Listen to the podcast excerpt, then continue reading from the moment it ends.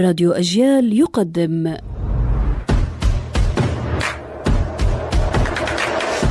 أصل الكلام عارف حجاوي الصيدلية اسمها كذلك لأنها كانت تبيع عود الصندل الطيب الرائحة عندما يحرق. نعم كان اسمها صندلية وهي عند المصريين أجزخانة وهذا تركي أجزهانه وإذا ذهبت إلى إسطنبول سترى على اللافتات أجزانه فقد حذفوا الهاء.